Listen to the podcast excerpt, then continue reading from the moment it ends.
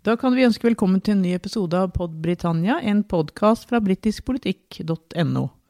I dag skal vi snakke om Neville Chamberlain, som var statsminister i Storbritannia fra 1937 til 1940.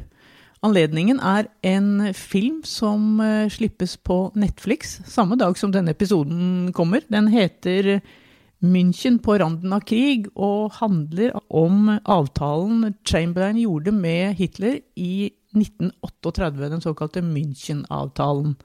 Jeg heter Trine Andersen, og med meg i dag har jeg min medredaktør Øyvind Brattberg, som også er medforfatter av en bok som kom for noen år siden om britiske statsministre. We shall never surrender. The pride in who we are is not a part of our past.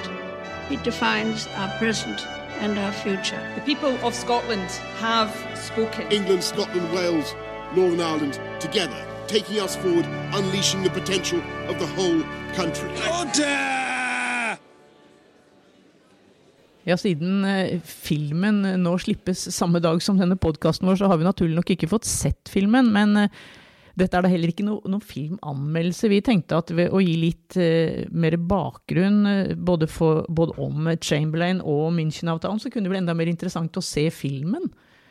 Neville Chamberlain var altså konservativ statsminister fra 1937 til 1940, og de fleste forbinder han vel med dette sitatet som han, som han kom med da han kom hjem etter møtet med Hitler i 1938 og viftet med München-avtalen, hvor han sa 'fred i vår tid'. Men, men, helt først her, Øyvind, kan ikke du forklare litt om hva München-avtalen var, og hvorfor den ble inngått?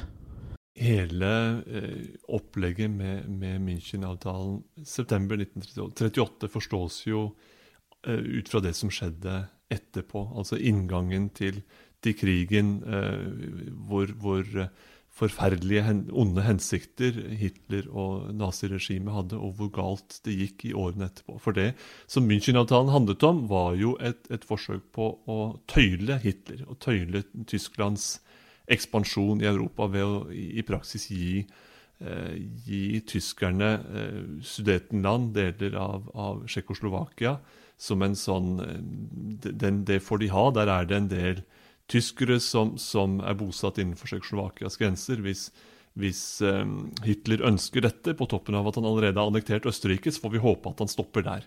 Hvor dum kan man være, er det historiebøkene sier oss, og det som vi også har, vel har lært gjennom oppveksten, at der Chamberlain feilet, måtte Churchill redde stumpene. Dvs. Si Hitlers ekspansjon bare fortsatte. og til syvende og sist så måtte han møtes med bevæpnet makt, og det var det som fulgte i de dramatiske årene etterpå. Så, så München var den siste redningsbøyen, eller forsøkene på å, på å eh, komme Hitler i, i møte og bremse hans videre ekspansjon. Det var et veldig naivt forsøk. Det var et eksempel på, på historiens eh, dårskap, der man heller måtte hatt mot og evne til å stå opp i tide. Det er, eh, det er, jo det som hva skal man si, Den umiddelbare lærdommen som ble trukket eh, etter krigen, og som Churchill selv var med på å skrive, han skrev jo selv en del av historien, den sa nettopp dette at Chamberlain feilet, og Churchill gjorde rett. Storbritannia trådte til på de allierte side det som ble en, en forferdelig krig, men en krig hvor det gode til slutt seiret. Men du, denne, denne filmen til, som, som, da har premiere nå i dag, fredag 21.1, den, den bygger altså på en bok eh, skrevet av Robert Harris. Og Robert Harris han er jo faktisk opptatt av å kanskje å Eller ikke kanskje, men han prøver jo å fremstille Chamberlain i et litt, litt bedre lys enn, enn det historien har gjort. Og, og, eh, etter hva jeg forstår, så, så mener jo Harris at uh, ved å inngå denne avtalen så uh, kjøpte Chamberlain seg litt tid, at britene da fikk mer tid uh, til å ruste opp. Chamberlain var klar over at dette ikke var en håndfast garanti, men det var klokt å oppnå det man, man kunne, fordi britene ville være, være, tjent med at en, en eventuell krig at, det, at, at, den ikke kom med det samme. Og eh, historikere er vel ikke har vel ikke eh, hatt veldig sans for dette argumentet. At det var, det var bra for Storbritannia at krigen lot vente, seg, vente på seg. Eh, fordi man trengte lengre tid på å oppruste og være, være beredt når krigen først kom. Det var vel så nyttig for Tyskland, som brukte det resterende året før de annekterte Polen høsten 39, at de brukte det året på å, å, massiv opprustning. Og det var egentlig vel så mye til Tysklands fordel, har da argumentet typisk, eh, typisk vært. Så akkurat det poenget står seg nok ikke veldig, veldig godt.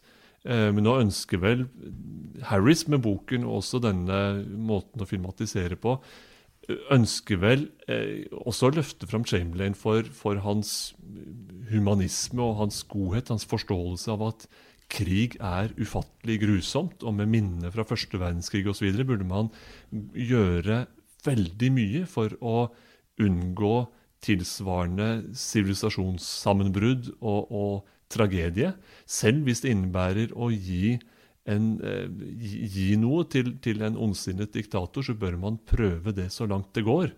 Og det, det, handler ikke bare om naivitet, det handler vel så mye om humanitet, tror jeg er et, et vesentlig poeng i denne filmen. Ja, nå skal jeg vel huske på at eh, Chamberlain han, han, opplevde jo tross alt første verdenskrig. Han opplevde å miste ganske nære i første verdenskrig, så han, han, han visste jo hva krig var. så naiv, ja vel, men også human, humanisme, som du sier. En human mann, kanskje litt sånn beskjeden mann nå. Vi kan snakke litt mer om han etterpå, men jeg, jeg har lyst til å, å, å, se litt på en bok som du skrev sammen med Hans Olav Lahlum i 2015, Øyvind. Da skrev dere om uh, britiske statsminister fra 1900 til 2015. Det var altså midt i litt før Cameron gikk av. Og, og historikere og andre er jo veldig, syns jo det er morsomt, og, og vi journalister også, å, se liksom en rangering av statsministrene. Husker du hvordan du rangerte uh, Neville Chamberlain den gangen blant uh, de statsministrene fra 1900 og framover? Jeg er redd for at Chamberlain der ligger uh, farlig nær bunnen av den rangeringen.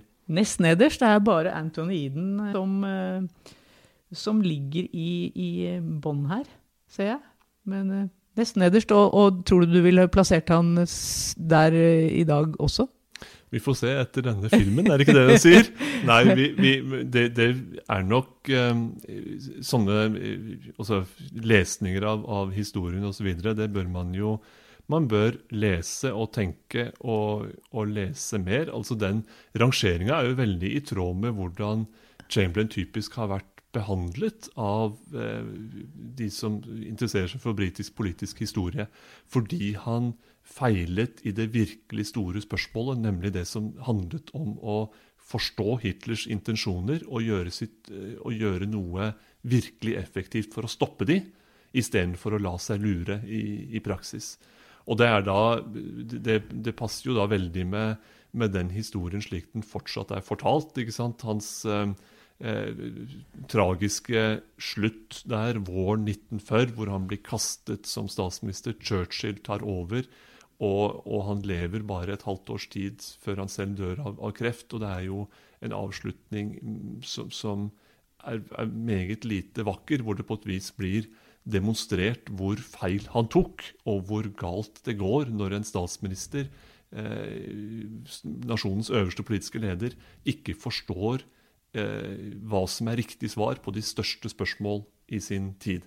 Så det er jo begrunnelsen, så kan man mene at det er, er eh, urettferdig og, og slikt. Men det, det, som er sikkert, er at han ikke evnet å stoppe Hitler. Så kan man spørre seg om, om noen annen strategi kunne, kunne, gjort det, i samråd med Frankrike, som var den viktigste allierte her i denne, i denne sammenheng. Men det, var, det er iallfall sikkert at det han la opp, den den eh, forsoningspolitikken var i siste instans ikke i stand til å stoppe det fryktelige som var på vei. Eh, og det tror jeg alle vil, tross alt vil være enige om. Det skal vel også sies at da Chamberlain kom hjem med dette papiret sitt og viftet med det, så, så, så ble han jo nærmest eh, tatt imot som en folkehelt. Altså, britene var jo veldig, eh, veldig begeistret da. Det ble sagt at han fikk 40 000 takkebrev. Det står i hvert fall det i, i denne statsministerboka du og Lahlum har skrevet. Det er, et, det er jo et kjempegodt poeng igjen, ikke sant? fordi eh, vi leser historien i, i, i bakspeilet, holdt jeg på å si. Man forstår ting ut fra hva som skjedde i ettertiden. Han var jo en, på det tidspunkt en, en en folkehelt et godt stykke på vei, fordi det ble tolket som at nå er krigen avverget. Kongen tok også jublende imot ham, eh, vet du, og selv om det var en del skepsis blant uh, deler av den politiske eliten, så ønsket man jo å, å, å ta dette i beste mening. Uh, det han hadde oppnådd gjennom tre intense møter med Hitler i de septemberdagene i, i 38, det ser ut til at saken er løst. Og da er det forsyn meg grunn til, til jubel. Eh, og det var stemningen som rådet på det tidspunkt München fant sted. Men vet vi noe hva, hva Churchill sa da? Churchill var skeptisk. Churchill han var det var skeptisk. hele tiden. Satt jo, han i regjeringen hans da? Det gjorde han ikke. Han var eh, backbencher på, på, på dette tidspunktet og, en, en, og, og gjennomført i sin, i sin, kritikk. Men han hadde jo han hadde gravd den grøfta så dyp at der sto han med begge føtter. Churchill, Alt som smakte av forsoningspolitikk, det var han imot. Men det blir jo spennende å se en film som, eh, om, om, om britisk krigshistorie som ikke er om eh, Churchill. For det har jo nesten alle filmene vært. Vi har jo hatt mange gode Churchill-filmer, bl.a. The Darkest Hour de siste, de siste årene. Men Chamberlain, altså hvis jeg skulle fortelle deg hva jeg vet om Chamberlain, så, så, ser jeg bare for meg en mann med bart som står og vifter med et, eh, et, eh, ark og sier 'peace in over time'. Det er liksom det jeg kan om, om mannen. Nyss, hjemkommet fra, nyss hjemkommet fra München. ja, ja. Etter sin andre flytur. For det var visstnok den første. Var, ja, han, var, han, var, ikke akkurat noen bereist mann, Chamberlain, har jeg forstått. Nå har jeg fått lest meg litt opp, da, selvfølgelig, etter, siden vi skulle ta opp denne podkasten. Og det er jo ganske fascinerende å, å, lese hva slags familie han kom fra. Det var jo en uvanlig politisk eh, familie. Han hadde jo til og med en eh, halvbror som, vært, som, var leder i det konservative partiet en periode. Uh, Austin Chamberlain som, Chamberlain, som var hans storebror, var jo egentlig den som var, var eslet for de store oppgaver. Av deres far, Joe, som, som reiste som tenåring til Birmingham, bygde seg opp som industriherre i største skala. og, og var gift eh, tre ganger. Eh, var vel med to, to, forskjellige fra samme familie, som i tur og orden døde. Jeg tror det var to ja, kusiner, ja. To kusiner var det ja. nettopp. Som, og, og, storebror Austin var da fra den, det første ekteskapet, og det var han som var, skulle være, fikk, fikk den privilegerte utdanningen og skulle inn i politikken.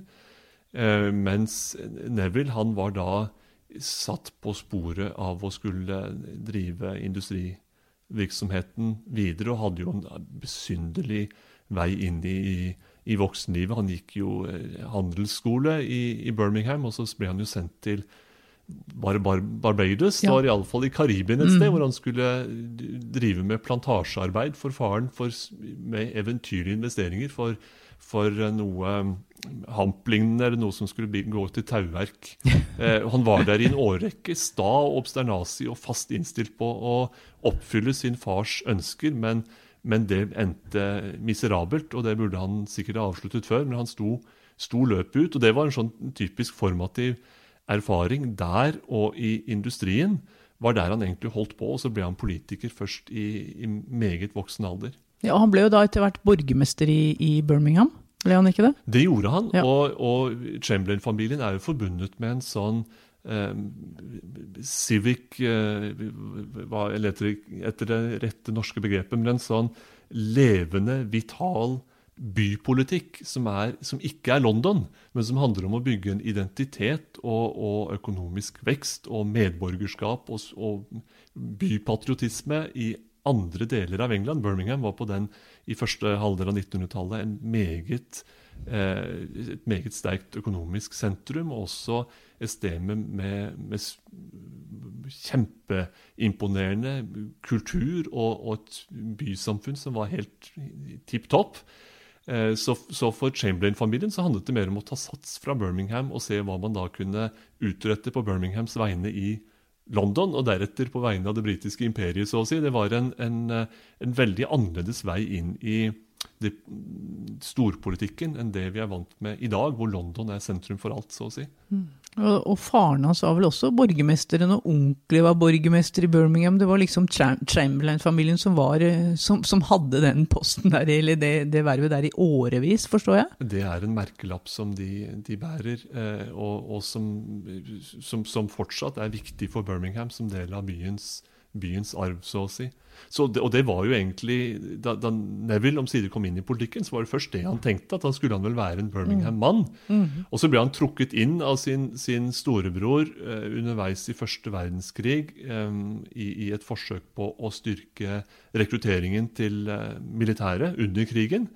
Han syntes det var noe, eh, noe herk uten å ha noe tydeligere politisk mandat, og dermed så ønsket han selv å bli parlamentsrepresentant. Og derfra så skjøt det ganske raskt fart utover eh, 1920-tallet. Men han var jo en eh, voksen mann da han ble valgt inn i parlamentet. Han var jo 49 år. Han var en meget voksen mann, og, og til gjengjeld så, så tok han liksom sats med en gang han, han kom inn. Han ble en veldig eh, vellykket eh, helseminister, og det var det han egentlig gjorde stort, eh, stor bravur med. Det er på tidspunktet i Downton Abbey også, så er han jo gjest vet du, på, med sin kone, besøkende der eh, litt, med litt sånn kort forvarsel og en litt sånn mystisk politisk skikkelse. Det er Neville Chamberlain som helseminister. Hvem er det som spiller det han der, da? Husker du det? Det er ikke kar om å huske. Nei, for her er det jo Jeremy Irons, det burde vi ha nevnt, og det, det må vi jo virkelig understreke. At her er det litt av en skuespiller som skal spille, som spiller eh, Neville Chamberlain. Hvilket er et argument for å slutte seg til, til Chamberlains eh, gjenopprettelse som en, en helt for noen Ja. er. For med Jeremy Irons eh, som bærende, så er det, så, så er det veldig, veldig bra. Jeg tror, tipper at han kommer til å fange det litt sånn mystiske, lange, magre, mustasjpregede, litt innesluttede, lang forhistorie. Hvem er han egentlig? Alle disse egenskapene med, med Chamberlain vil man håpe kommer tydelig fram. For han var en han var jo, som du beskriver det på, på fotografiet, ikke sant? En, en lang Du kan ikke forestille ham annet enn i svart-hvitt. Ikke sant? Nei, du kan ikke det. Nei, du han, kan ikke det. Der han står, og slik, slik var han også. Eh, og med en, en virkelig fascinerende forhistorie som, som i og for seg er elitepreget, men likevel annerledes fra den litt sånn halvaristokratiske sørengelske eliten som ofte har preget britisk politikk. Han var en, en, en annen type, rett og slett. Robert Harris har jo fortalt at eh, han eh, satt og spiste lunsj med Jeremy Irons i en helt annen eh, Uten egentlig å tenke på, på, på denne boka så slo det han plutselig at oi, her var det vel en som kunne spille Chamberlain, og, og det sa jo Irons ja til med en gang. Så det, som du sier, det blir jo veldig spennende å se, se han her, da, selv om vi skal vel kanskje si at det er jo egentlig ikke han som er sjølve hovedpersonen. Dette er jo to fiktive rådgi unge rådgivere og deres forhold, en tysk og en britisk, som, liksom, som, som, som driver historien videre. Men vi har jo mange, vi har sett mange bilder av, av Irons som Chamberlain, så det får vi jo oppleve. Og det blir jo veldig spennende å se. Det er nok i så måte en litt annerledes sammensatt eh, historie enn de Churchill-filmene vi har sett eh, flere av, og senest med The Darkest Hour for, for noen, eh, noen år siden. Dette er en mere, et mer sammensatt portrett av det dramaet som eh, München-forliket og alt dette dreide seg om, eh, og, og, en, og en sånn følelse av at historien står på Verdenshistorien står her og vipper, og det handler da om noe mer enn bare det personlige lederskapet. Det handler om, om andre aktører også, og det kan jo være, være befriende. Det er også veldig interessant dette fordi Churchill er så gjennomportrettert eh, i seinere år, og nå kommer altså historien om, om Chamberlain i stedet. Og da kan man jo også spørre seg hva er det ment å si til vår egen tid? Eh, Robert Harris, som, som har skrevet eh, boken bak filmen, er jo en, en som, som ønsker å ta historie inn i vår egen tid, og som har en, en en veldig selvstendighet i sin forståelse av, av politikken og dens vesen, holdt jeg på å si.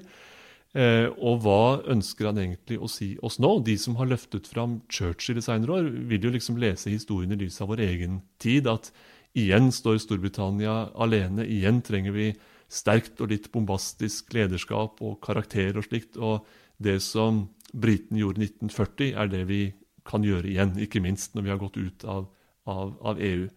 Eh, det er jo en tolkning eh, man kan eh, forstå, og så kan man være uenig i den. Man kan i hvert fall forstå hva det dreier seg om. Men hva dette dreier seg om, kanskje er det litt mer sånn framstilling av at historien er ikke entydig. Mennesk, mennesket er feilbarlig. Eh, vi må ha troen på humanitet og optimisme. Jeg vet ikke om det er et sånt budskap som ligger under. Eh, det er iallfall et annet budskap enn den bombastiske Churchill. Det, det, må vi anta. Ja, det blir jo spennende å se. Men det sies jo at historien trenger både helter og skurker, og de kanskje midt imellom. Så vi får, vi får se, vi får se det, Øyvind. Det blir jo veldig spennende å se denne filmen. Det er nok en film med, med, nyanser, og det har man aldri vondt av. Også nyanser når det gjelder å, å lese historien, og kanskje også sette opp statsministerrangeringer. We shall never surrender. The pride in who we are is not a part of our past. It defines our present and our future. The people of Scotland have spoken. England, Scotland, Wales, Northern Ireland, together, taking us forward, unleashing the potential of the whole country. Order!